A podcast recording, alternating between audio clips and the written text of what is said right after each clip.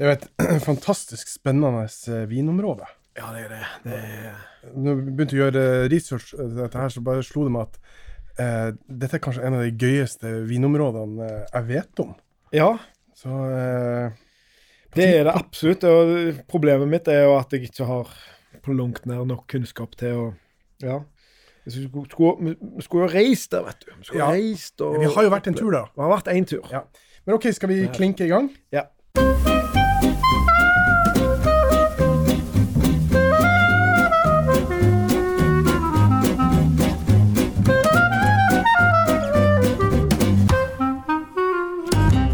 Da kan vi ønske velkommen til nok en episode av Kulturs eh, podkast Vinpodden.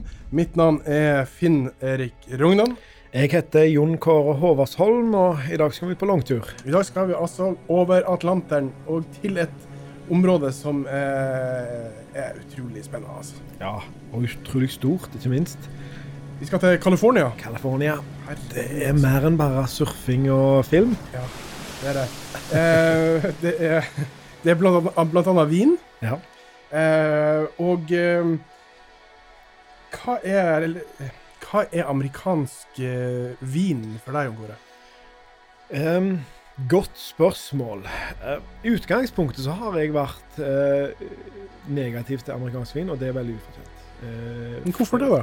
Nei, for det har Når jeg begynte å drikke vin, så hadde det et dårlig rykte. Blant eh, Det må jeg vel rett og slett si er vinsnobbene som jeg først var med. uh, og jeg fremdeles er med, dessverre.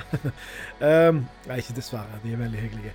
Men um, uh, den vinen som vi fikk fra Amerika uh, når jeg begynte å drikke da, på 90-tallet, og sånt, den var som oftest litt sånn masseprodusert. Store viner som smakte litt mer som juice. De var ikke Det var lite, Litt lite variasjoner, lite trøkk, lite frukt. Det var liksom mye eikepreg. Eh, de var kjedelige viner, rett og slett. Eh, som du følte var mer sånn bare for å ha noe vin på siden. Liksom. Det var ikke, noe, det var ikke, lagt noe sånn glede og, og energi i lagingen. Det var mer inn i en fabrikk, og ut kommer det i vin. Vet du hva? Eh, for før jeg begynte å henge med dere vinsnobbene, eh, så var jeg ganske glad i amerikansk vin. Og dette var helt i starten av min eh, si, vinkarriere. Og da eh, eh, drakk, eh, drakk vi eh, chardonnay. Eh, det som er store kooperativ Chardonnay fra California. Og jeg syns det var fantastisk. Det var masse eik, og det smakte smør, og det var vulgært. Men da tenkte jeg at for en fest av en vin. Ehm, og så har på en måte kommet inn i det her eh, som du snakka om, altså der eh, blant vinsnobber så er vin fra USA, og da i all hoved- hovedsak fra California, er eh, frowned upon. Ja, det var iallfall det da. Um, um, det har skjedd mye siden den tid. Og, og det, det var jo Vi har jo lært, vi òg, faktisk med å være der, at, at det er store forskjeller innenfor uh, California. Og så er det en siste ting som er veldig viktig.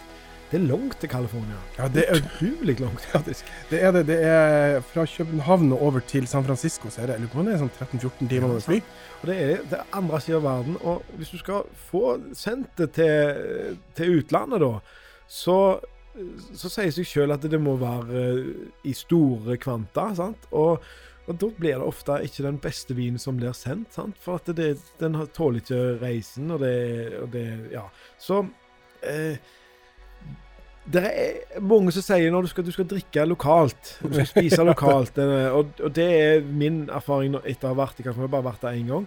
Og, det var en virkelig en eye-opener når, når vi var der og så fikk sitt og smakt på det der. For det var, dette var et helt annet nivå enn hva det jeg hadde smakt hjemme. Ja. Så i dagens episode så skal vi altså eh, Vi, vi, vi har vært eh, der borte. Vi var ikke på en dedikert vintur, men vi har vært der, og, og vi hadde vin i, i blodet mens vi var der. Um, dere kan glede dere, for dette her er et eh, vinområde oh, som er helt fantastisk. eh, fantastisk. Men først Vi må jo eh, dykke ned i historien, må vi ikke det? Ja, og her er det mye tav. Ja,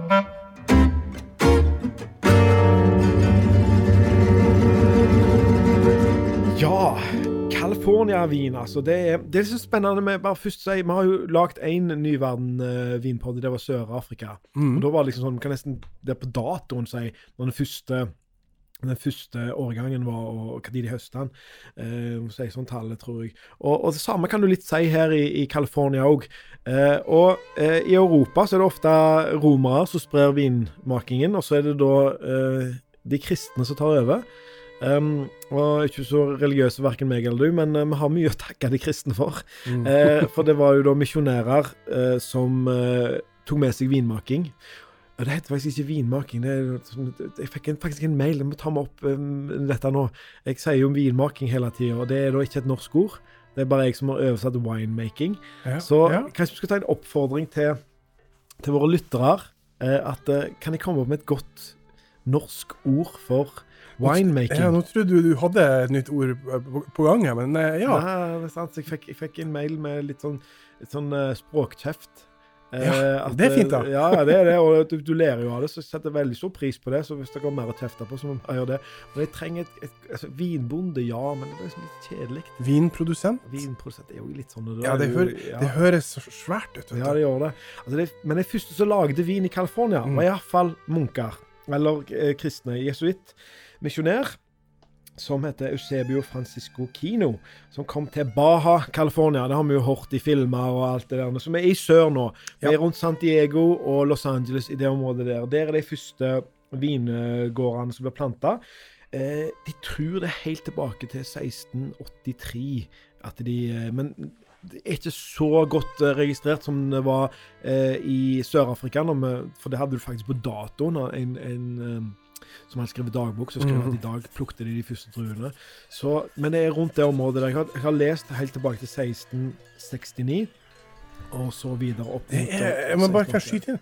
Det er mye lengre tilbake enn jeg hadde sett for meg at de har vinhistorikk, altså. Ja, sant. Eh, og eh, de første 200 årene, fram til liksom, tidlig på 1800-tallet, så er det eh, stort sett bare lagd av eh, kristne for eh, generell konsum, og så, men mye til kirka, da. For at eh, du har jo den der Jesu legeme, Jesu blod, da skal du ha. Og, og de, Fine unnskyldninger der. Altså. ja, ja, og de katolikkene, vet du, de, de skal ha det skikkelig. Det ikke sånn som så, de lutheranerne på, på Karmøy. Der var, det, der var det noe som var rødt, og ikke så mye alkohol i. så, og Det er litt sånn spesielt. Jeg tror du skal komme inn på litt senere, men uh, druer Mm. Ja. Druer som de heter for Mission Grape. Vi tar og går gjennom druen etterpå. Mm. Eh, men Mission Grape eh, De tror at det er en klon av ei drue som kommer fra Spania. Eh, men Den er ikke så vanlig, men den var veldig vanlig. Det var nesten den eneste drua de hadde fram til 1800-tallet. Og Så kommer vi til 1800-tallet. Der kommer mer og mer innvandring da, til, til området. Det er jo et veldig flott område med mye rikdom som du kan Altså mye du, Som bønder og sånt. Du kan eh, lage til da, og, og så kommer jo toget over, så det blir lettere å Mm. komme seg til. Så der kom en eh, eh, franskmann med navn Jean-Louis Vignes. Eh, eh, og det er jo litt bra at det er Vignes, for det, det er jo nesten som eh, eh, vinranker Ja, det det. fransk. Han var en av de første kommersielle vinprodusentene da, i Los Angeles-området, og en av de viktigste personene i det området. Han tar og planter med seg eh, planter vin i og rundt Los Angeles. Eh, og han er da en av de første som, som finner ut at det er en missionary grape, eller mission grape, eh, den syns han ikke noe om. Så han reiser tilbake til Europa, tar med seg litt Cabernet Franc, Sauvignon Blanc, og er den første som, eh, som begynner å plante europeiske druer i um, i eh, California. Um, og generelt, da, så, så får han denne vinproduksjonen opp på et ganske respektabelt nivå i, fram mot sånn type 1850, og blir en veldig viktig person i uh, Sør-California. Um, så har vi nå eh, litt sånn fascinerende, syns jeg, da, eh, at du ser politisk og Eller egentlig ikke politisk, men i San Francisco, rett ut forbi, så skjer det noe i 1849. Som er meget godt dokumentert i uh, en bok, som jeg tror til og med 1849. du har lest. 'Onkel Skrues liv og leven'. Gullrusje? Gullrush, ja. Ja, ja. Selvfølgelig. Mm, mm. Så uh, Onkel Skrue er vel mer kjent for gullrushet i Yukon, men jeg tror han var innom i, i eh, San Francisco. Vi kan snakke lenge om onkel Skrue. Ja, Lars, det er en annen pod. Uh, han Eller ja, han, ja. I 1848 så bodde det 1000 mennesker i San Francisco. eh, I januar. Eh, I desember 1849 så bodde det 25 000. Jo, OK, wow. Gull har den, eh, den, har den effekten. kraften, ja. Så eh, han godeste Jean Louis, eh, han begynte å sende masse vin opp til eh, Nord-California. Eh, og Altså til gullgraverne. ja, til gullgraven. De ville ha noe å drikke. sant? Eh, og da var den vinen vin som de lagde der, var, var veldig populær. Eh, og det han òg prøvde, da, det var jo å finne plasser der du kan ha lage vin istedenfor skippe den opp, så kan du kanskje lage den der oppe. Og da eh, viste det seg at i og rundt eh, San Francisco-området så var det en del eh, områder, som Sonoma og Napa, som er ikke så langt ifra eh, San Francisco. Og det kjenner vi jo den dag i dag som, eh, som gode vinområder. Um, så, så gullrush er faktisk veldig viktig for vinproduksjonen jeg ikke i, altså. eh, i eh, San Francisco, eh, i California. Jeg syns det er utrolig Det henger jo på grep når du, Ja, når du sier det. Ja, ja. Så da, da fikk faktisk den, det, det som skjedde, var at det spredde seg da. Eh, vinrankene Jeg vil si vinmakingen, jeg vet ikke Ja, du jeg får vis- lov til å gjøre det. Inntil vi har fått et nytt ord, Jon Kåre, så syns jeg du skal bruke det. Ok, ok. Eh, på 1850-tallet da, så kommer det en ungarsk person. Eh, Agoston Haratski. Jeg sier sikkert det helt feil. Jeg synes syns det hørtes helt perfekt ut. Ja, han er da eh, helt eh, utrolig viktig for eh, California-vin. Eh, han eh, importerer da mer og mer druer. Eh, han eh, bygger mm, kjellere. Han lager tønner. Han bruker da eik som er der allerede, for vi har hørt om amerikansk eik. Og så bruker han faktisk også redwood, denne giganttreet Ja, ja, ja. som når det ikke var nok eik. Så han er liksom en av de som, som lager da viner for å um, å- lagre vinene over lengre tid. Mm. Fram til det, sånn som med de eh, prestene, så hadde vinen vært lagd veldig sånn uh, fanferige i flasker, ut, selge med en gang. Mm. Så, det, så det har vært liksom Nå er det et nytt steg i kvalitet, eh, bedre kvalitet på vinene. Um, og han er da en um, av de som, um, som virkelig tar tak i området i Sonoma. Lager en uh, vingård der som heter Buena Vista Winery. Uh, han hyrer en som heter, har et veldig sånn champagnenavn. Charles Krug. Jøss. Eh, som da, og han, Charles Krug han har i ettertid startet sitt eget vin, eh, vinselskap, som for å ta en liten digresjon, som på eh, 60-tallet blir solgt til Robert Mondavi, som Ja. jo da er en av de største og eh, ledende produsentene av vin i California en dag i dag. Mm. Så det går faktisk helt tilbake til, til denne tida her. Yes. Um, han har en annen ting som er veldig viktig for um, Og dette er han Agoston, han uh, ungarske. Uh, dette er viktig for vinverden og California, men motsatt uh, fortegn. For um, han hadde en egen måte å lage sine viner på. Han eksperimenterte mye. Så, eh, nå er ikke jeg vinbonde, så jeg vet ikke helt hvordan dette her fungerer. Jeg har vondt for å forklare det, men det snakkes om at du legger på lag oppover i, um, i bakkene, mm, der det er Mm. med lag på lag med ranker. Og plutselig så begynte disse her rankene å bli litt svakere, dårligere. Og de trodde det var pga. den lag, måten å bygge det i lag. Eh, men det viste seg at det hadde kommet en lus som er um, eh, bare i California-området. var det, Den heter Phylloxera. Uh. Så viste det seg da at disse herrene Når de rankene overlevde, men det var pga. at de var i kontakt med disse her gamle vinrankene, sånn at de ble på mange måter um, eh, resistente da, mot denne lusa. Så de klarte seg etter hvert. Men i 1860, på 1860-tallet så sendes et par av disse her rankene over til London i en sånn wine fair.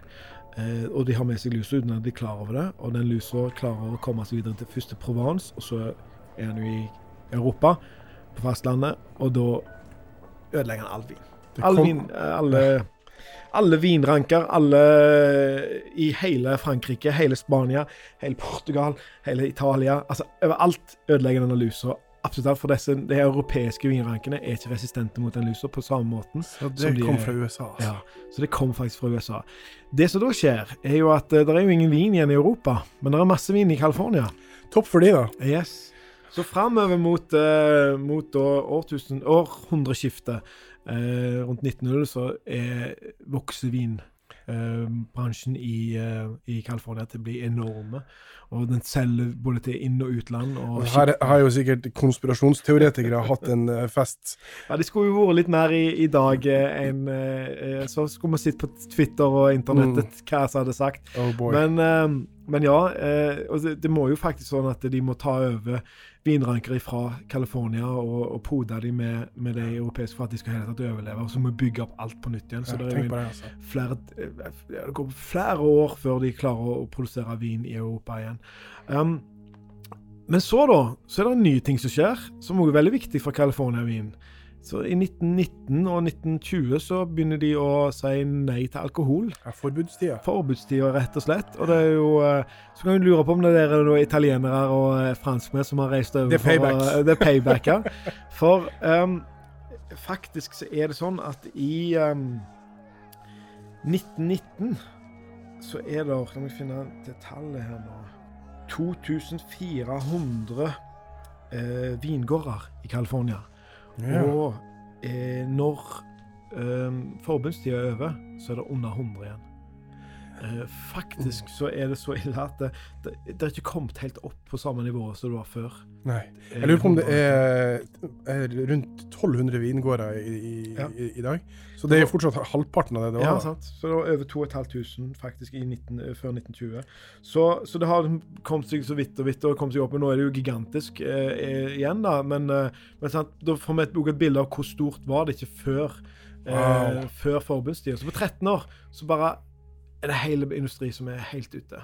Men hva gjorde dette her eh, knekket med vinindustrien, da? Ja, sant? Altså, når du i ettertid da skulle eh, bygge det opp igjen, så, sant? Så, så plutselig får du vite ok, nå skal vi få lov til å selge vin igjen. Så da kom masse billige billige greier ut. Og, og det første var liksom at det, hva det, det første beste du kan få ut, jo nei, det var litt sånn en sånn søte enkelvin, og gjerne eh, litt sånn fortifisert. altså At du hadde litt sånn som de gjør med Madeiraen, at du har litt sprit i, da. Så blir den rundt 20% Så, så det var liksom det som var eh, problemet da til til California Vin, at det var det eneste de fikk solgt, og det var det de fikk produsert. Og sånt holdt de på fram til sånn 50-60-tallet, så og, og da var det egentlig bare små eh, familiedrevne produsenter som lagde kvalitetsvin. For det, og det var bare solgt til nærområdet, det var ikke solgt eh, rundt omkring. Og ryktet til California og Amerika generelt var jo at de lagde sånn bulkvin, da. Massevin. Eh, og, så, og, og det sto det seg eh, over veldig lang tid, helt fram til en spesiell eh, episode i 1976 i Paris. Ja, ja, Eh, og det, da vet du det, kan vi vel egentlig avslutte historietimen, eh, og så kan vi diskutere eh, noe som har navnet sitt etter, etter gresk mytologi. Uh, 'Judgment of Paris'. Ja, dette er en fascinerende ja. Det har vært laga film om det òg? Ja, det har det. 'Bottle Shock' heter den. Veldig Mm. god film med han Alan Rickman i hovedrolla. Eh, eh, ja, kanskje du skal ta en liten sånn gjennomgang om hva, hva er det vi snakker om nå? Det var en eh, konkurranse i, eh, i Paris, eh, der man skulle smake europeiske toppviner eh, mot amerikanske toppviner, men det skulle smakes blindt. Eh, og man regner regna med at dette her vil være en eh, slags walkover for disse tradisjonsrike europeiske eh, vingårdene. Ja. Eh, men eh, til sjokk og vantro så gikk det jo ikke på, det, på den måten. Nei. Må nevne navnet til han vinjournalisten. For han, Ja. han uh, heter Steve Spurrier. Mm -hmm. uh, han engelske. Eh, og ikke til må sammenlignes med Det er en amerikansk fotballtrener som heter det akkurat det samme. Så, så det kan Greit å få det inn. Greit ja. Men eh, han var den som det er Mer som en sånn PR-gimmick. Han, eh, han vil promotere seg sjøl. Eh, og, um, og det klarte han. men, men mye mer enn hva jeg tror han eh, hadde tro på at han skulle få. For at eh, dette her ble jo, som, som du sier, det ble et enormt sjokk. Men skal vi gå gjennom vinene som, eh, som La var? det. Det var jo to blindsmaking. Ja, En for uh, chardonnay, Yes. og en for uh, liksom Bordeaux-style Ja. viner. Altså, det, det var toppvinere fra Bordeaux, uh, og det, jo, det var de som var cabernet-drevne. Mm. Mens da de, um, de amerikanske vinene var stort sett 100% cabernet, noen av dem, men ja. Så, så det var Jeg kan uh, Tar du California-vinene, så kan jeg ta Ja, hold oss til rød. Ja. Eh, det var uh, var vel seks mm. viner fra USA. Det var Free Mark Abbey Winery, Mhm. 1969-årgang. Så var det Maya Kamas vin Vineyards fra 1971. Claude Duval Winery, 72. Eh, Så var det um, Heights Winery, Martha's Vineyard, 1970. Så var det Ridge Vineyard, Montebello 1971, og til slutt Stag's Leap Wine Cellars fra 1973. Ja, og øh, for å konkurrere med dette, så hadde du Chateau Mouton Rochille og Chateau Aubryon, som er begge to Premier Cry. En av fem øh, To av fem viner. Ja, og da, da, altså, dette er er topp. topp, topp, viner. Mm. Um, Mouton Rochelde i 70 og Aubryon i 70. Så hadde de Montrose, eh, Chateau Montrose eh, 70 og Chateau Le- Leoville Lacasse i 71. Um, og det er jo da sånn, altså det er rene blindsmak. De hadde òg uh, Chardonnay, men vi skipper Chardonnay. Ja, for at, ja, ja. Um, Chardonnayene eh, har jo ikke så lang levetid, og de har jo testa disse her rødvinene på nytt igjen. Mm. 10 år, 20 år etterpå. Og, og det er jo veldig spennende å se hva som er forskjellen der da videre. Men um, Ja, for mange vil jo si det at sånn som disse store Bordeaux-vinene, eller egentlig alle de røde her, de er De eldste var fra 70, eller fra 69, da. Eh, Mm. men de eh, Bordeaux-vinene fra 70 ble smakt når de var seks år gamle. Det er ungt. det er ungt. og så det var jo For det som skjedde, var jo at Stag Sleep vant. Yep. Eh, og så kommer det eh, tre eh, Jeg kan ta eh, lista her nå. Eh, Stark Sleep nummer én. Eh, Moton Rochild nummer to. Montrose eh, tre. og Brion fire. Så Ridge Vineyards eh, fem. Eh, Leovilla Cass seks. Eh, Heights Wine Cellars sju. Claude Duval åtte. Mayakama ni. Og Freemark Abbey ti. Så, altså, sånn, så, altså, det er jo bare det, det som franskmennene syntes var kjipt, var jo at, eh, at det var én amerikaner på toppen. Mm. Eh, og så, men så kommer det jo tre eh, Av de neste fire plassene, så er Fem plassene så er jo fire franske og så en, en amerikanske. Så, så det er jo relativt eh, topptungt i, i uh, fra Frankrike her, da. Ja. Og dette er jo akkurat som du sier, det var viner som vanligvis skal ligge i 20-30 år. Eh, som ble tatt etter fire-fem år. Så det, det var jo en av kritikken som var mot det. Andre kritikken som har kommet litt etterpå, er at eh, 70-71 ikke var de beste årgangene. Mm. Og at det er større årgangsforskjeller i Frankrike enn det er i eh, California. Det stemmer nok. Det, er- det gjør det. ja. Det gjør det. Uh, men, men det som, er som jeg syns er mer fascinerende, at når du ser nå ti år etterpå, Mm. i, i 86, så er det eh, Da er det to amerikanske viner, Claude Duval og Ridge Wineyards, 1-2. Mm. Så kommer Montrose Level Lacaste og Mouton Rochille på uh, tredje, fjerde, femte. Så kommer Stag Sleep, Heinz og Mayakama, Mm. og så helt på bånn og Brion.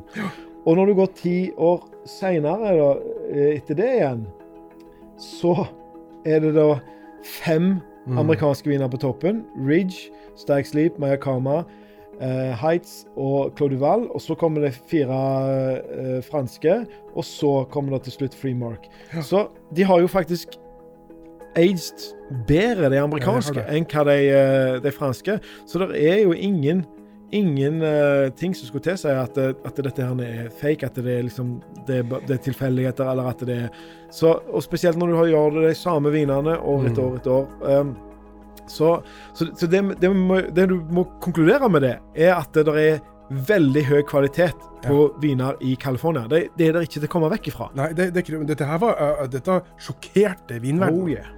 Så det er klart, ikke sant, for det er opplest og vedtatt. De hadde kjempelang his historikk. Dette er fortsatt noen av de dyreste eh, vinene du får i, i hele verden, de fra Bordeaux.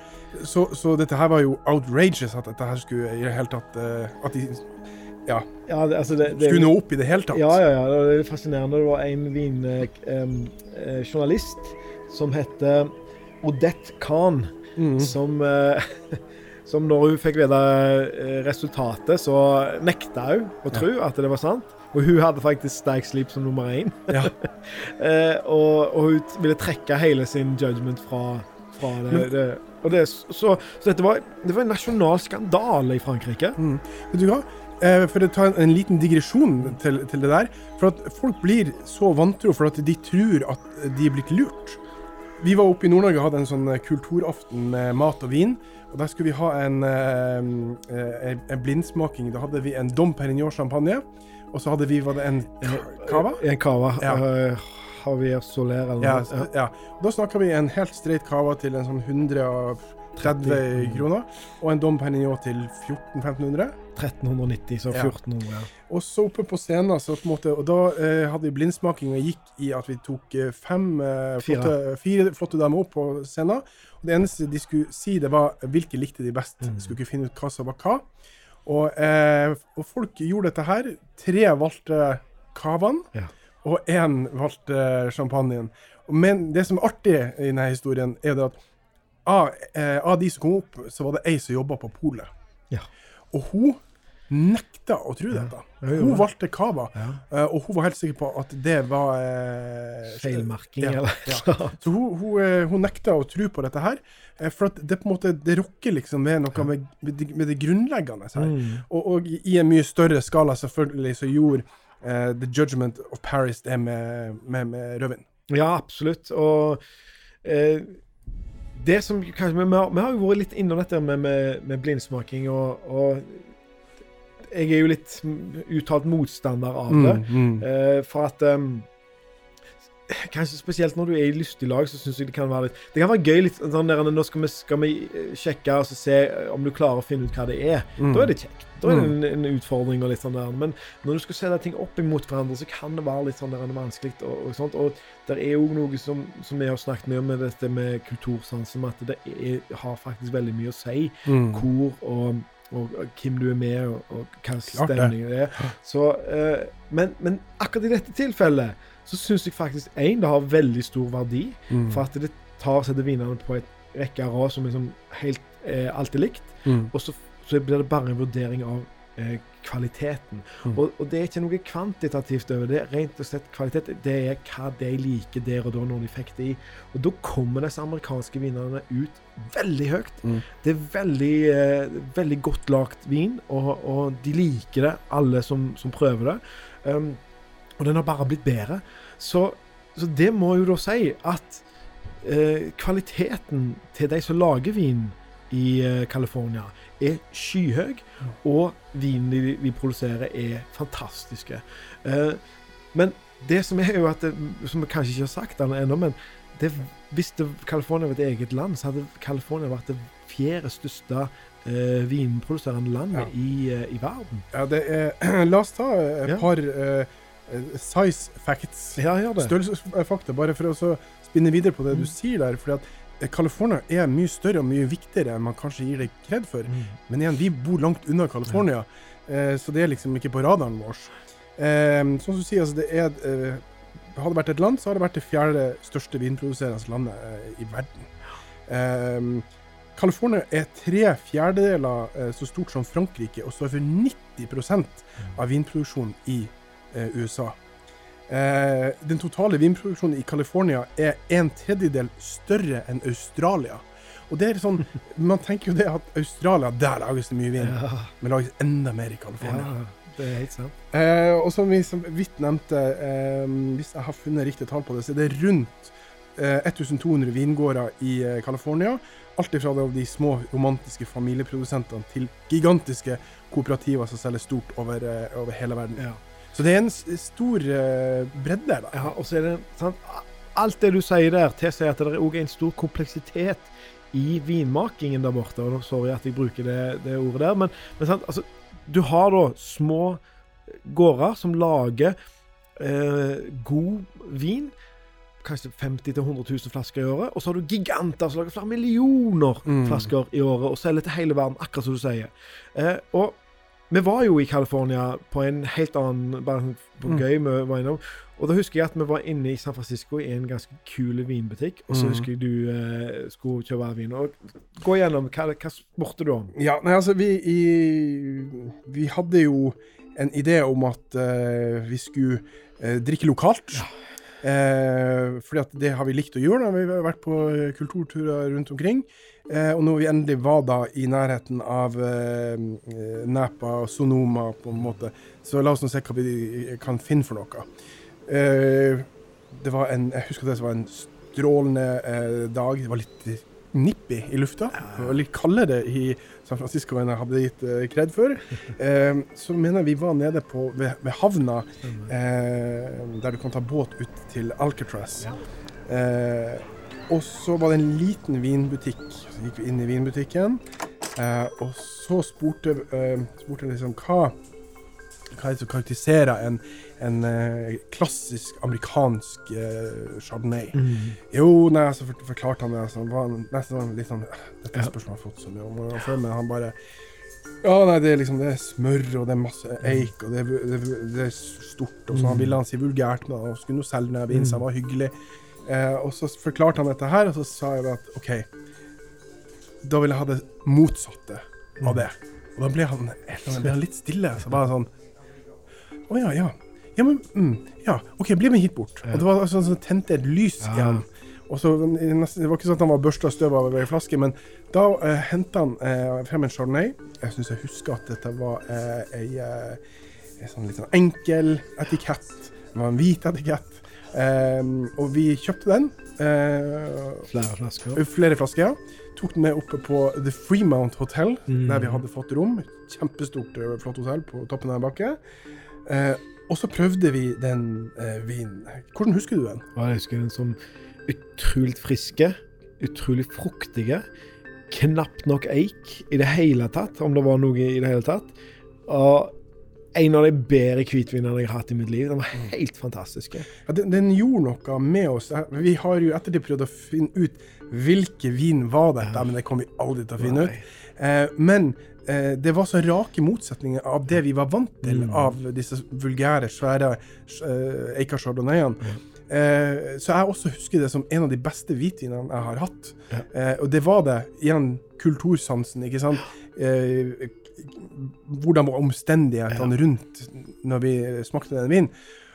Det som det eh, gjorde med meg, eh, var vel, eller gjorde med oss, var at, at vi, vi skjønte potensialet til amerikansk vin. Ja, helt sant. Og, og litt av greiene er jo at eh, når vi snakker om potensial de, Det er jo helt klart at de får ut potensial når de, når de knuser franskmenn i, i både eh, rød og hvitvin. Vi må jo si at det var, det, var eh, amerikanske viner som vant eh, hvitvinsdelen av eh, Judgment òg. Så, så det var en clean sweep, som de sier på godt amerikansk. Ja, ja. Um, og, men det er akkurat sånn som du sier, det er, det er et enormt potensial i, i California-vin. Og veldig mange gode produsenter som får det ut. Og så husker vi spurte han der eh, eh, Tror du det er mulig å få, få, få dette til Norge? Så sier han at de selger 50 000 flasker i året, tror jeg han sa. Noe sånt. Mm, mm. Da er du en liten produsent, men du klarer det godt som, som bonde. Eh, og du lever sikkert et, et, et, Altså, noen er fornøyde med, med å, å selge såpass, ha en god lønn og, og, og lage knakende god kvalitet. Uh, og jeg har ikke noe trang til å få, få sendt det av gårde til sant? For det, det er mye arbeid å sende ting ut av landet. Mm. Når du får solgt alle vinflaskene dine lokalt, og får en OK pris for det. Ja. Så, så jeg forstår det, jeg. Hvorfor skal de sende det til Norge når de kan, når de kan sende det til naboen og få akkurat det samme? Mm. Det er ingen, ingen, ingen grunn til å si at de skal sende det ut av, ut av California i det hele tatt. La, la, la oss si at La oss si vi betalte 30 dollar for den flaska. 25 til 30 dollar, Ja. Det er jo fortsatt eh, litt penger, Ja. ikke sant? Og, som eh, og hvis de selger 50 000 flasker av Mm. 25-30 dollar liksom, flasker, så lever du greit, ikke sant? Ja, det. Eh, og så, hvis du da Men ikke sant, hvis du da tar regnestykket videre, for du har sagt eh, California er langt, langt unna Norge, så hva skjer da, ikke sant, hvis du har da en eh, 30 dollar flaske i USA på markedet? Hvordan ender den opp i Norge? Altså, du må jo sende, sant? og det koster veldig mye. Du må gjerne holde det kaldt og, og eh, mørkt, så du må ha spesialkonteinere for å få det ut. Eh, det må, eh, når det kommer til Norge, så skal det legges på skatter og avgifter. Og så skal jo importøren ha sitt, og polet sa litt så. At den minst dobler seg i, sant? i, i, i, hva den koster, og kanskje mer til, på, på den reisen der. Så det sier jo at da, den California-vinen som, som koster 400-500-600 kroner her i Norge, koster det halve og kanskje enda mindre i, eh, i California. Fordi det, det er så langt, og det er som sant, lite. Mens en gigantprodusent sant, den kan sende det i større kvanta, og de kan ta mindre per liter. Og, og gjerne sende flere ting, og de kan sende det både til eh, Norge og eh, Sverige og Danmark, eh, eller resten av eh, Europa når de sender det over. Så, så, så det å være liten og la en kvalitetsdreven produsent, det er ekstremt vanskelig å få solgt det til andre deler av verden. Og da må du ha dedikerte um, importører, som vi kjenner jo et par som har vært i Australia og, andre, og tar inn små produsenter, for de er så glad i de vinene. Og, og det er knallkvalitet. Dessverre har ikke de vært i California og funnet de vinene som de vil importere der ennå. For det, det er jo du, du, du må ha, er lidenskapelige folk som vil importere Mm. dette, for de syns det er så bra at vi må ha det på dette markedet, vi òg. Og jeg har jo liksom prøvd amerikanske viner her hjemme, eh, og jeg har kjøpt viner til eh, altså 400-500 kroner. Da begynner det å bli virkelig bra. Men det er 400-500 kroner, og det har ikke jeg råd til sånn eh, å, å lasse ut masse penger på. Men eh, nå var vi altså oppe i San Francisco, Mm. eh, og der er vel de mest kjente områdene Mm. i, eh, i California. Da er vi i Napa Valley og Sonoma. Dette området kalles for North Coast. Og så er det da eh, eh, tre eh, områder til, eh, sånn grovt sett. Bare ta de, da. Du har nå et område som heter Central Coast. Dette er altså, Hvis du ser for deg California ut mot eh, Stillehavet, så er det midtre delen av California som ligger ut mot Stillehavet. Eh, dette strekker seg fra eh, sørvest fra San Francisco og ned til Santa Barbara. Eh, her er det områder som Santa Clara, Santa Cruz, San Lucas, Pablo Roble, eh, Santa Ines og en masse andre områder. Så er det South Coast. Dette er kystområdene eh, sør for eh, LA og helt ned til Mexico. Eh, og så er det da eh, Central Valley, som på en måte eh, ikke ligger ved kysten, men på en måte innlandsområdet. Jeg tror det er absolutt største området. Um, og det inkluderer et uh, kjent område som heter Sierra Foothills. Men da kan du tenke deg, sant, sånn klimamessig, eh, helt fra eh, ned med Mexico og helt opp til eh, San Francisco og, og Napa, det er et enormt spenn i, i, i klima. Og dette her må jo ha enormt å si for kvaliteten og, og på, på druen. Det, det er helt klart, sant. Og eh, bare se på temperaturforskjellene. Altså, vi var jo der selv i, i eh, Los Angeles, det var i april, tror jeg, og da var det 30 grader i Los Angeles, du kunne bade i Stillehavet. Og så når du kom opp til, til San Francisco, så var det 15-12-15 grader og litt sånn kjølige bris, som det visstnok alltid er i San Francisco. Eh, så så det sies jo selv at det er veldig mye kjøligere lenger nord enn hva det er i sør. Og, og da kan vi se på, eh, se på Europa, da, altså der Nord-California blir mer som litt sånn nordlige Frankrike, Tyskland, kanskje Mm. til og med eh, oppe i Østerrike og litt sånn som det. For det er jo mye fjell og litt sånn der, eh, sånt der. Så er det da sør eh, Sørlige deler av California blir mer sånn som i Spania, kanskje, og, og Sør-Italia og Mm. områder der. Her, her, her er du inne på, på noe, for det man sier generelt om California, at du kan si at de, de har et middelhavsklima. Altså det, det, det er liksom eh, Det er middels varmt til varme somre. De har eh, milde vintre. Forholdsvis høy luftfuktighet. ikke sant? Det ligger ved Stillehavet. Eh, det gir ikke sant? Det, det er relativt lange vekstperioder. Eh, lite regn. og det er veldig stabilt. Det vil si at sesongvariasjonen, som du var inne på i stad, er veldig liten. Mm. Det er også en liten sjanse ved frost og andre sånn irriterende ting, som gjør at det er ganske behagelig å dyrke vin i, eh, i California. Mm. Um, de beste områdene som vi har vært inne på, er da i områdene rundt San Francisco. Uh, og det er fordi at det er et sånn spesielt mikroklima der oppe. Måten eh, fjellene og, og, og, områdene rundt San Francisco er, uh, gjør at du har masse tåke. Mm. Som gjør at du um, For det kan være ganske varmt på dagen. Så kommer denne tåka inn og gir en sånn kjølende effekt, mm. som da blir ekstremt gunstig for, for druene. Altså. Veldig fascinerende. Ja, veldig, veldig spennende. Og, men det, det som det òg gjør La oss tenke litt på Eh, hva har dette å si for, for um, California og, og matkulturen og, og, hva du lager der? sant? Altså, um, Amerika generelt er jo et, um, et fargerikt og multikulturelt uh, fellesskap der de har hatt innvandring fra hele verden. Og California spesielt uh, viktig der, i og med at det kom veldig mye bl.a. fra han eh, ungaren Mm. Eh, Augustus han uh, var veldig forkjempa for kinesisk innvandring og kinesiske innvandrere sine rettigheter. For de var, de var gode arbeidere som jobba i, i vingårdene til, til, han, da.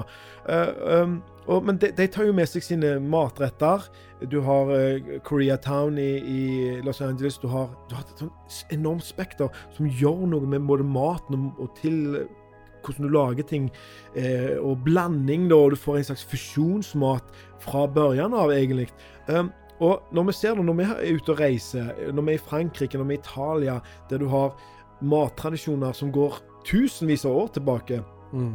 Og den vinproduksjonen, eh, da, den går jo òg like langt tilbake, og den er tilpassa eh, retter da, som er mer strømlinjeforma. Mm. Så sant, der, der passer det mye bedre. Fordi det er liksom de har lagd det til der. Mens da i California så vil jo først og fremst lage de uh, til seg sjøl. Mm. Det, det, sier seg sjøl. Du, du, du, selger det nærmest. Uh, og da, når du har dette innflukset av så mye forskjellige variasjoner, så er det plutselig det ene smaker bra til det andre, det andre smaker bra til det. Så blir det liksom et miksbord, så du prøver å finne den rette variasjonen. Og én ting du ser da, er jo at de har enormt mye druevariasjoner. Ja, de har det. De, har, altså, de dyrker over 100 ulike typer druer Eh, som er da en, uh, fra hele verden, som ja. er som en smeltedigel, eh, som det er med, med, folkene som bor der. Ja. Um, og det er helt fascinerende. Absolutt alle vinstiler som er, er kjent dyrkes på planeten, dyrkes også i California. Ja, det, det, det, det sier seg jo ikke jeg, jeg, tror at det, det sier jo om potensialet til, til California. For det er jo kanskje litt rart å si dette, uh, men jeg tror ikke at uh, California har vært i nærheten av potensialet sitt egentlig som vin... Uh, vin jeg kunne ikke si vinland, men vinområde, da. Ja. For at det, det, det, vil jo det vil roe seg litt etter hvert. Du vil få mer sånne stiler som går inn mot et eller annet. Og du vil sant, kanskje til og med få lettere å, å, kunne selge det til utlandet, sånn at det blir en mer tilgjengelig for oss som er så langt vekk. Men, men, det at det er så mye variasjon der, gjør jo at du får veldig store variasjoner innenfor vinen òg. Og eh, det jeg kommer til å tenke på da, det er en um, en uh, ganske sånn morsom vi var, vi var, jo i New York nå i, i fjor, mm. akkurat et år siden nå. Uh, og da var jeg innom uh, på en vinbutikk der som heter Crush Wines. Ligger ikke så langt ifra Trump Tower, faktisk. Um, uten noen sammenligning for øvrig. der snakket jeg med han som eier det. Og veldig trivelig kar. En typisk amerikaner. Superkul og så kunnskapsrik. Og, og han hadde jo da masse topp europeiske viner. Men sant, når du er i USA, så er du jo nært de, de gode amerikanske vinene. Så kan, for, kjøper ikke en god Bordeaux eller en burgunder i, mm. i, i, USA når du kan kjøpe en god California-vin som du ikke vil få i Norge. Så jeg spurte han da etter, etter en god uh, California-vin, og, og, så sier han spør, hva, hva liker du? liksom? Så sier jeg at jeg foretrekker de som er fruktige og, og litt lettere, og ikke så mye eik og fatprek. Og så sier han at ja, jeg, jeg hører hva du mener, jeg har jo smakt de europeiske vinene som er litt sånn Og jeg kjenner jo igjen den, den, moten som er gjerne inne nå, at du skal ha mer friskere og mer mm. eh, fruktdrevne viner. Men, men husk òg at det, Vi har en stil i, i California som er mer integreringen av eik, og, og sånn at du skal få en sånn sammen, sammenfatning av det. da. Eh, og, og det er det som er uttrykket for vin som vi lager. Og Så hvorfor ikke prøve det heller, eller istedenfor å prøve noen som prøver å lage noe som Ja, er dette, her, eh, dette her er- så interessant, ja. det du sier. Dette, vi snakka litt om, om, eh, om poddene i, i går, og da sa du dette her til meg, og det har jeg tenkt på siden da. Og det har jeg tenkt på Altså, det han sier, er eh, liksom Hva med å akseptere stilen? Mm. Det var, det, og det ble litt sånn Skjemme seg litt. Ja, jeg er helt enig. Det, for det, han, en, han har helt rett. Og to, det er faktisk eh, Da finner du noen veldig sånn kanongode eh, viner, da, som, som er liksom på en spesiell stil, som passer til en spesiell ting, en spesiell matvei, eller et eller annet sånt. Akkurat på samme måte som vi har snakket om f.eks. når vi lagde den påskevin, så eh, toskansk vin eller eh, portugisisk vin til lam. For det, Mm. det syns vi passer så veldig godt. Okay, så er det noe som passer veldig godt til det som de lager i California, som er typisk California. Som jo Altså, de har jo den forferdelige ananasen på pizzaen sin der, så det, det vet ikke om jeg skal ei, ei, til- vi snakker ikke dritt om ananas på pizza. Men jeg husker jeg kjøpte en vin som jeg hadde lyst til å anbefale, som heter Ramey. Eh, men den Mm. har de ikke på polet. Eh, og den drakk jo meg og deg i fjor høst, og den var fantastisk Fader, altså. Eh, den var jo drikkevennlige, veldig sånn der. Den kosta betalte et par 30 dollar for den der. Så det er jo litt mer enn hva de vanligvis pleier å, å kjøpe for i, i USA. Du får nok gode viner til 10-15 dollar der, men, men det var helt strålende. og og, og veldig distinkt. Det, det var jo chardonnay. Du kjente igjen mye av det chardonnay-preget, men samtidig sånn veldig integrert og fine eikepreg, da, uten at det ble for mye av det vulgært. sant? Men samtidig så fikk det friske, gode, appelsinaktige frukter. eh, så, så, så gjorde at det ble en utrolig behagelig og deilig eh, vinopplevelse. Ja. Eh, Hvis du hadde tatt den vinen blindt på meg, Mm. så lurer jeg på hva jeg hadde sagt. Altså, Ja. For at det var så godt. Mm. Men med en gang jeg får Amerikahatten på, Mm. så på en måte blir jeg litt sånn der, Ja. skeptisk. Og så når du sier det han sa på Crushed Wines, kan man akseptere stilen. Det for det er det vi har gjort, som du sier, i Chianti eller Ja, i. Burgund. Vi vil ha de stilene. Det er kjempegodt. Ja, ja. Um, uh, dette var jo en chardonnay. Ja. Chardonnay er den mest brukte hvitvinsdrua i, i, i eh, California. Mm. Cabernet Sauvignon, rødvin, er jo flaggskipet deres. Mm. Det er det de er virkelig kjent for. Eh, men bruker også mye Melot, Pinot Noir, um, Sauvignon Blanc, Syrah og Sinfandel. ja. Som er jo eh, den som heter Primitivo når han er i Italia. Ja, ja, det er helt rett. Ehm, en eh, episode som er mm, I denne prosessen der vi har drevet og satt oss inn i amerikanske viner, vi var på denne turen, Mm. ehm, vi smakte den fantastiske chardonnayen eh, og var helt blåst av banen på det. Eh, på samme tur så var vi også innom ei anna vinsjappe. Det var vel utenfor LA en plass. Ja, stemmer. Eh, der hadde vi, hadde vi en eh, interessant opplevelse. Ja, det var jækla løye. Uh, igjen, amerikanere er jo fantastiske, hyggelige og morsomme folk. Og, og vi skulle ha uh, Vi ville smake en amerikansk musserende. Eh, og vi så jo at det faktisk er en god del franske champagnehus som lager amerikanske amerikansk musserende, da.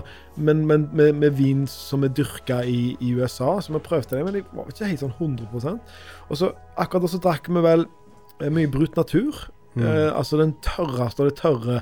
Så vi ville ha Vi ville ha det. Så spurte en han som eide denne butikken, en litt sånn godslig amerikaner eh, Og spist mye burgere. Ja, han hadde det, og drukket mye vin. Og um, kunne sin, Han kunne vin, Ja, ja, ja. det var det ingen tvil om. Og, og kunne amerikanere òg.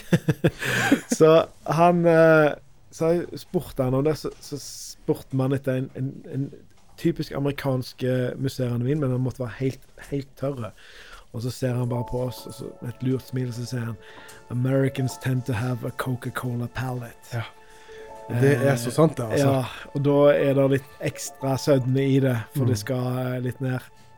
Og så er det jo en follow-up til akkurat den historien der, for siste dagen så er vi i San Francisco. eh, Vi er vel fire stykk, eh, meg og deg og et par som vi reiste med.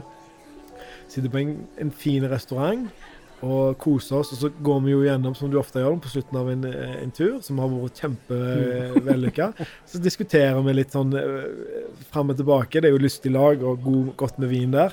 Så, og så så jeg vet ikke hvem av oss som sa eh, Det var kanskje meg eller om det var deg, som liksom gjentok det han her han, eh, Mm. sa da Americans tend to have a Coca-Cola palate.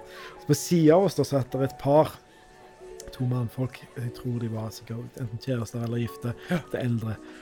Og, og uten at de var helt klar over det, så fornærma vi de bl- blodig. Eh, og jeg husker han ene bare sa They're not talking about you. Og jeg ble så forferda. Ja. herregud. Her har vi liksom bare, for det, du bare hørt en, en, Vi hørte jo at vi var europeiske, at vi lo mye, og at vi sa Americans tend to have a Ja, han tok det ikke pent. Ikke pent Nei. i det hele tatt. Nei, jeg var, og jeg ble kjempeflau og brydd og alt mulig. Jeg tenkte jo ikke at de, hadde, at de skjønte hva vi prata om. Det gjorde de. Ja.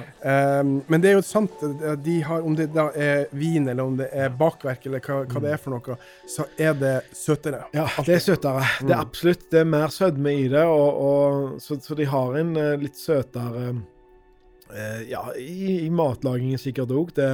Så det er derfor de tar den forferdelige ananasen på pizzaen.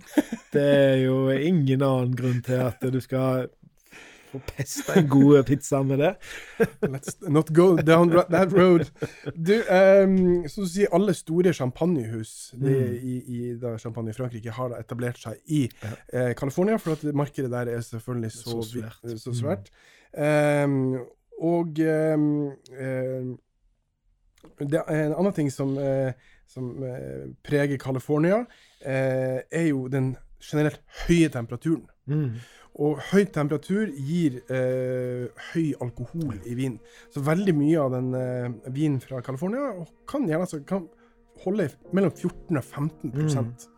Så dette er jo eh, For meg er det litt er litt problematisk. Jeg er ikke så veldig glad når det blir så høy alkohol i vin. det. Men det er, det er fortsatt folk som jeg ser, observerer på polet, som går og ser Hvor mange prosent er den der? Hvor mange prosent er den? Det var jo sånn at vi starta Liksom. Ja, det er sant. skal ikke si Jeg må bare si, avslutte med å fortelle en morsom historie på denne turen. For Finn Erik er jo veldig dyktig til å finne sånne kule ting når vi skal ut og reise. Og til denne turen så hadde han da eh, booka eh, en Mustang, så du kunne ta ned eh, taket. Som vi hadde, skulle ha med oss. Og vi var jo fire stykk, alle hadde med seg hver sin koffert. Eh, og hvis noen har sett en Mustang eller vært i nærheten, så er det sportsbil, så det er ikke så veldig mye eh, plass til Trangt. Det er trangt. Eh, Du kan ta ned taket. du kan ta ned taket, sant? og det, det er jo gøy. Men, men når da én, som skal være navn skal ikke nevnes, Finn eh, tar med seg ei stor ekstra koffert som er helt tom, men det er plass til masse vinflasker i, Mm. så blir det med en gang ganske problematisk. Eh, For det er knapt eh, plass til vanlig bagasje. altså. Og dette er en full size eh, koffert. Nå er det kommet my mye smartere løsninger for vinkofferter. Det- Men dette er en stor type Samsonite, Ja. hard case, og det var ikke plass til mer enn Tolv flasker. Så, eh, så de fikk jo, fikk jo brukt den til slutt, da, men det var jo ganske frustrerende når vi kjørte av gårde med Vi, vi, kjørte, vi kjørte altså LA, Las Vegas, San Francisco L, Nei, ikke LA, det, eh, det avslutter San Francisco. ja. Og eh, de som satt baki, der er det supertrangt. De satt med denne kofferten på fanget. på fanget. Så ja. Så kanskje hvis dere skal på vintur og sånt, så ja, Enten så kjøper du litt, eh, leier en litt større bil, eller så eh, må du frakte vinen din på litt andre måter. Ja. Jeg, jeg hadde jo Etter det jeg ble fortalt at eh, å leie Ford Mustang Cabriolet er harry.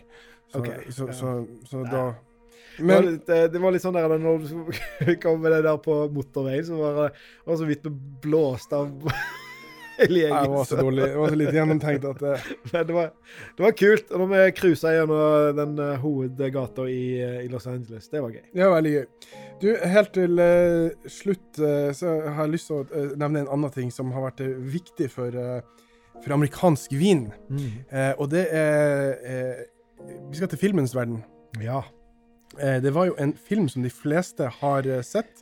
Eh, som kom i 2004, laga av, eh, Alexander Payne med Paul Giamatti og Thomas Hayden Church, eh, som handla om vin, der vin på en måte var en viktig faktor. Eh, 'Sideways'. Eh, ble vel Oscar-nominert. Eh, i, ja, jeg lurer på ikke det, altså. Eh, den her filmen tok for seg vin. I, i den form at han eh, Paul Giamatti sin karakter ekstremt vinsnobb, veldig opptatt av pinot noir, hater Merlot. Eh, og så reiser de jo rundt i eh, vinområder eh, i forkant av bryllupet til han Thomas Hayden Church. Ja. Eh, og så er det da møter de to damer, den romantiske greia og sånt. Men denne filmen vi ble viktig i, i, for det vi, virkelige vinlivet, Jon Mm. Kåre, i, i California. Ja, for at uh, der er jo Han, han skryter jo veldig av uh, Det var Virginia Madsen som er kjæresten som han ble sammen med. Og da eh, spør de eh, hva druer de liker, og da, har han en veldig sånn poetisk måte å, å beskrive pinot noir-druer, da, som er blitt stående igjen litt den dag i dag. da.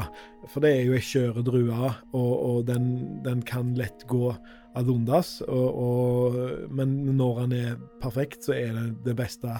Og så er det burgunderdruer, sant, så, så den er jo liksom den mest ja, verdsatte vinene fra, er jo de fra Burgund, og da, da er det jo druer derfra òg veldig gode. Eh, og så er det jo da at det er veldig Det sitatet når de skal inn og skal smake, og så er de veldig brisende, så bare sier han, I'm not drinking no fucking Merlot. eh, og, og det har jo da eh, Salget etterpå på Pino gikk vel opp, og Merlot gikk ned. Ja, eh, i eh, tid etter, eh, etter dette her så så, så, så man at eh, salget av pinot noir steg med hele 16 eh, og i årene etter det ytterligere 9 Og Det er utrolig mye. Eh, mm, nå på en måte var dette en veldig populistisk fremstilling av Mm. disse tallene, og så har eh, grundigere, grundigere research eh, fra 2009 eh, vist at det, var litt mer nyansert. Mm. Det var eh, stigning av pinot noir og melon falt, men det var ikke så sinnssyke tall. Så syns jeg det er litt morsomt nå derfor i filmen, og dette tror jeg de gjør for, for vinkjennere. Sant? Mm. For Han sier jo han hater Merlot, bla, bla, bla. Men den ene vinflaska som han har, som har sparet en spesiell anledning, og den spesielle anledningen er jo jeg tror det er McDonald's eller et eller annet Mm. burger han kjøper, så, så drikker han den vinen fra et eh, pappglass. Ja. Eh, det er jo en eh, Cheval Blanc fra 1961. Mm. Eh, og Cheval Blanc er jo Merlot-dreven eh, Bordeaux. Så, eh, så det er jo en liten sånn der han eh, eh, Ja. Lite pek. Lite pek. Ja. Men vi som vet eh, eh, litt annet der, der. Men eh, det er jo en nydelig film, da. Elsker den filmen. Jeg har vel jeg tenkt, tenkt flere ganger nå at det må jeg se snart igjen. Ja, det, det er har, det, det er sånn, eh, den har jeg lyst til å se igjen, og så har jeg lyst til å se Lost in Translation eh, Ja. på nytt. Vi holder jo på med litt sånn prosjekter i, i, Kina. Kina. Kina, ja. Eh, så, så det er også en Det var riktignok i Tokyo, men, Ja. men eh, det er på lista over filmer jeg har lyst til å se. Og så må du se Bottle Shock. Ja. Den som handler om uh, The Judgment in Jeg Paris. lurer på om jeg har sett dem, om det begynner å bli mange år siden. Ja, altså. All, uansett, eh, Alan Rickman spiller, spiller engelskmann, eh, han Steve Spurrier, som arrangerte det hele. Og eh, Alan Rickman, det er jo supertrist at han ikke er med oss lenger, men alt som han var med i, er bra. Ja, det er sant. Han gjorde ingenting gale. Du- og fantastisk skuespiller. Eh, før vi avslutter ballet nå eh, Jeg har med en liten anbefaling. Ja, det har jeg òg. Eh, skal vi se. Jeg kan gå først. Ja. Eh, jeg tenkte jeg skulle anbefale en eh, Santa Barbara Chardonnay Mhm. fra 2016 som heter Sandy. Eh, den finnes på polet til 239 eh, kroner. Eh, her er den eh, fermentert på franske fat, okay. eh, og så er den lagra ti måneder på gamle fat. Det er, liksom, det er mye burgund i stilen her, Mm. men den er fortsatt uh, særegen amerikansk. Det er masse smør, nøtter, honning. uh, smooth og sånn silkevin, altså. Ja. Uh, så det er en nydelig chardonnay, hvis du på en måte vil begynne på å lære deg litt sånn amerikansk Ja. chardonnay. Jeg har um, jeg, Når jeg var over og skulle se liksom, jeg, jeg må jo ærlig innrømme jeg, har, ikke- drikker ikke så veldig mye eh, amerikansk vin, jeg gjør, men så fant jeg en som jeg drakk i fjor, uh, som var ålreit. Uh, den heter Airy. Men det er en pinot gris. Så det er jo en, en, en fransk eh, Nei, italiensk drue. Vi kjenner vel helst eh, pinot grillio. Så Eh, den er 2015. uh, 219 kroner, eller 220 kroner. Den var saftig og fine. Uh, god, god konsentrert. Eh, sånn modne frukter og god krydder. Litt nøttesmak. Eh, litt sånn typisk amerikansk, det òg. er en god pris eh, og en lett drikkelig, eh, vin, så den, den, den var fin. Artig, når vi begge anbefalt eh, hvitvin når det egentlig kom, ned Cabernet Sauvignon og rødvin de er mest kjent for. Ja. Eh, men eh, vet du hva, gå inn og så eksempel prøv noen viner fra Anthill Farms. Mm. Vi er oppe i eh, mellom 400 og 500 kroner, så det er liksom nesten sånn urettferdig å anbefale sånne viner, for det er ikke alle som har muligheten til det. Ja. Eh, men eh, hvis dere er interessert i Cabernet Sauvignon rød, eh, det røde flaggskipet fra California, gå på polet og spør. Ja. Da, Helt ja. sant. Og um, altså, Ridgeview er er jo et, eh, et um, som har skulle drakk for litt siden. Eh, De, de har en del gode eh, En god produsent Ja. som har flere viner. Så altså, Amerika og California spesielt er spennende land som eh, er verdt å utforske. Det er, det er noe aller best å gjøre når du er der. Ja. Så reis over. Da sier vi takk for følget, og så høres vi neste uke. Det gjør vi, vet du.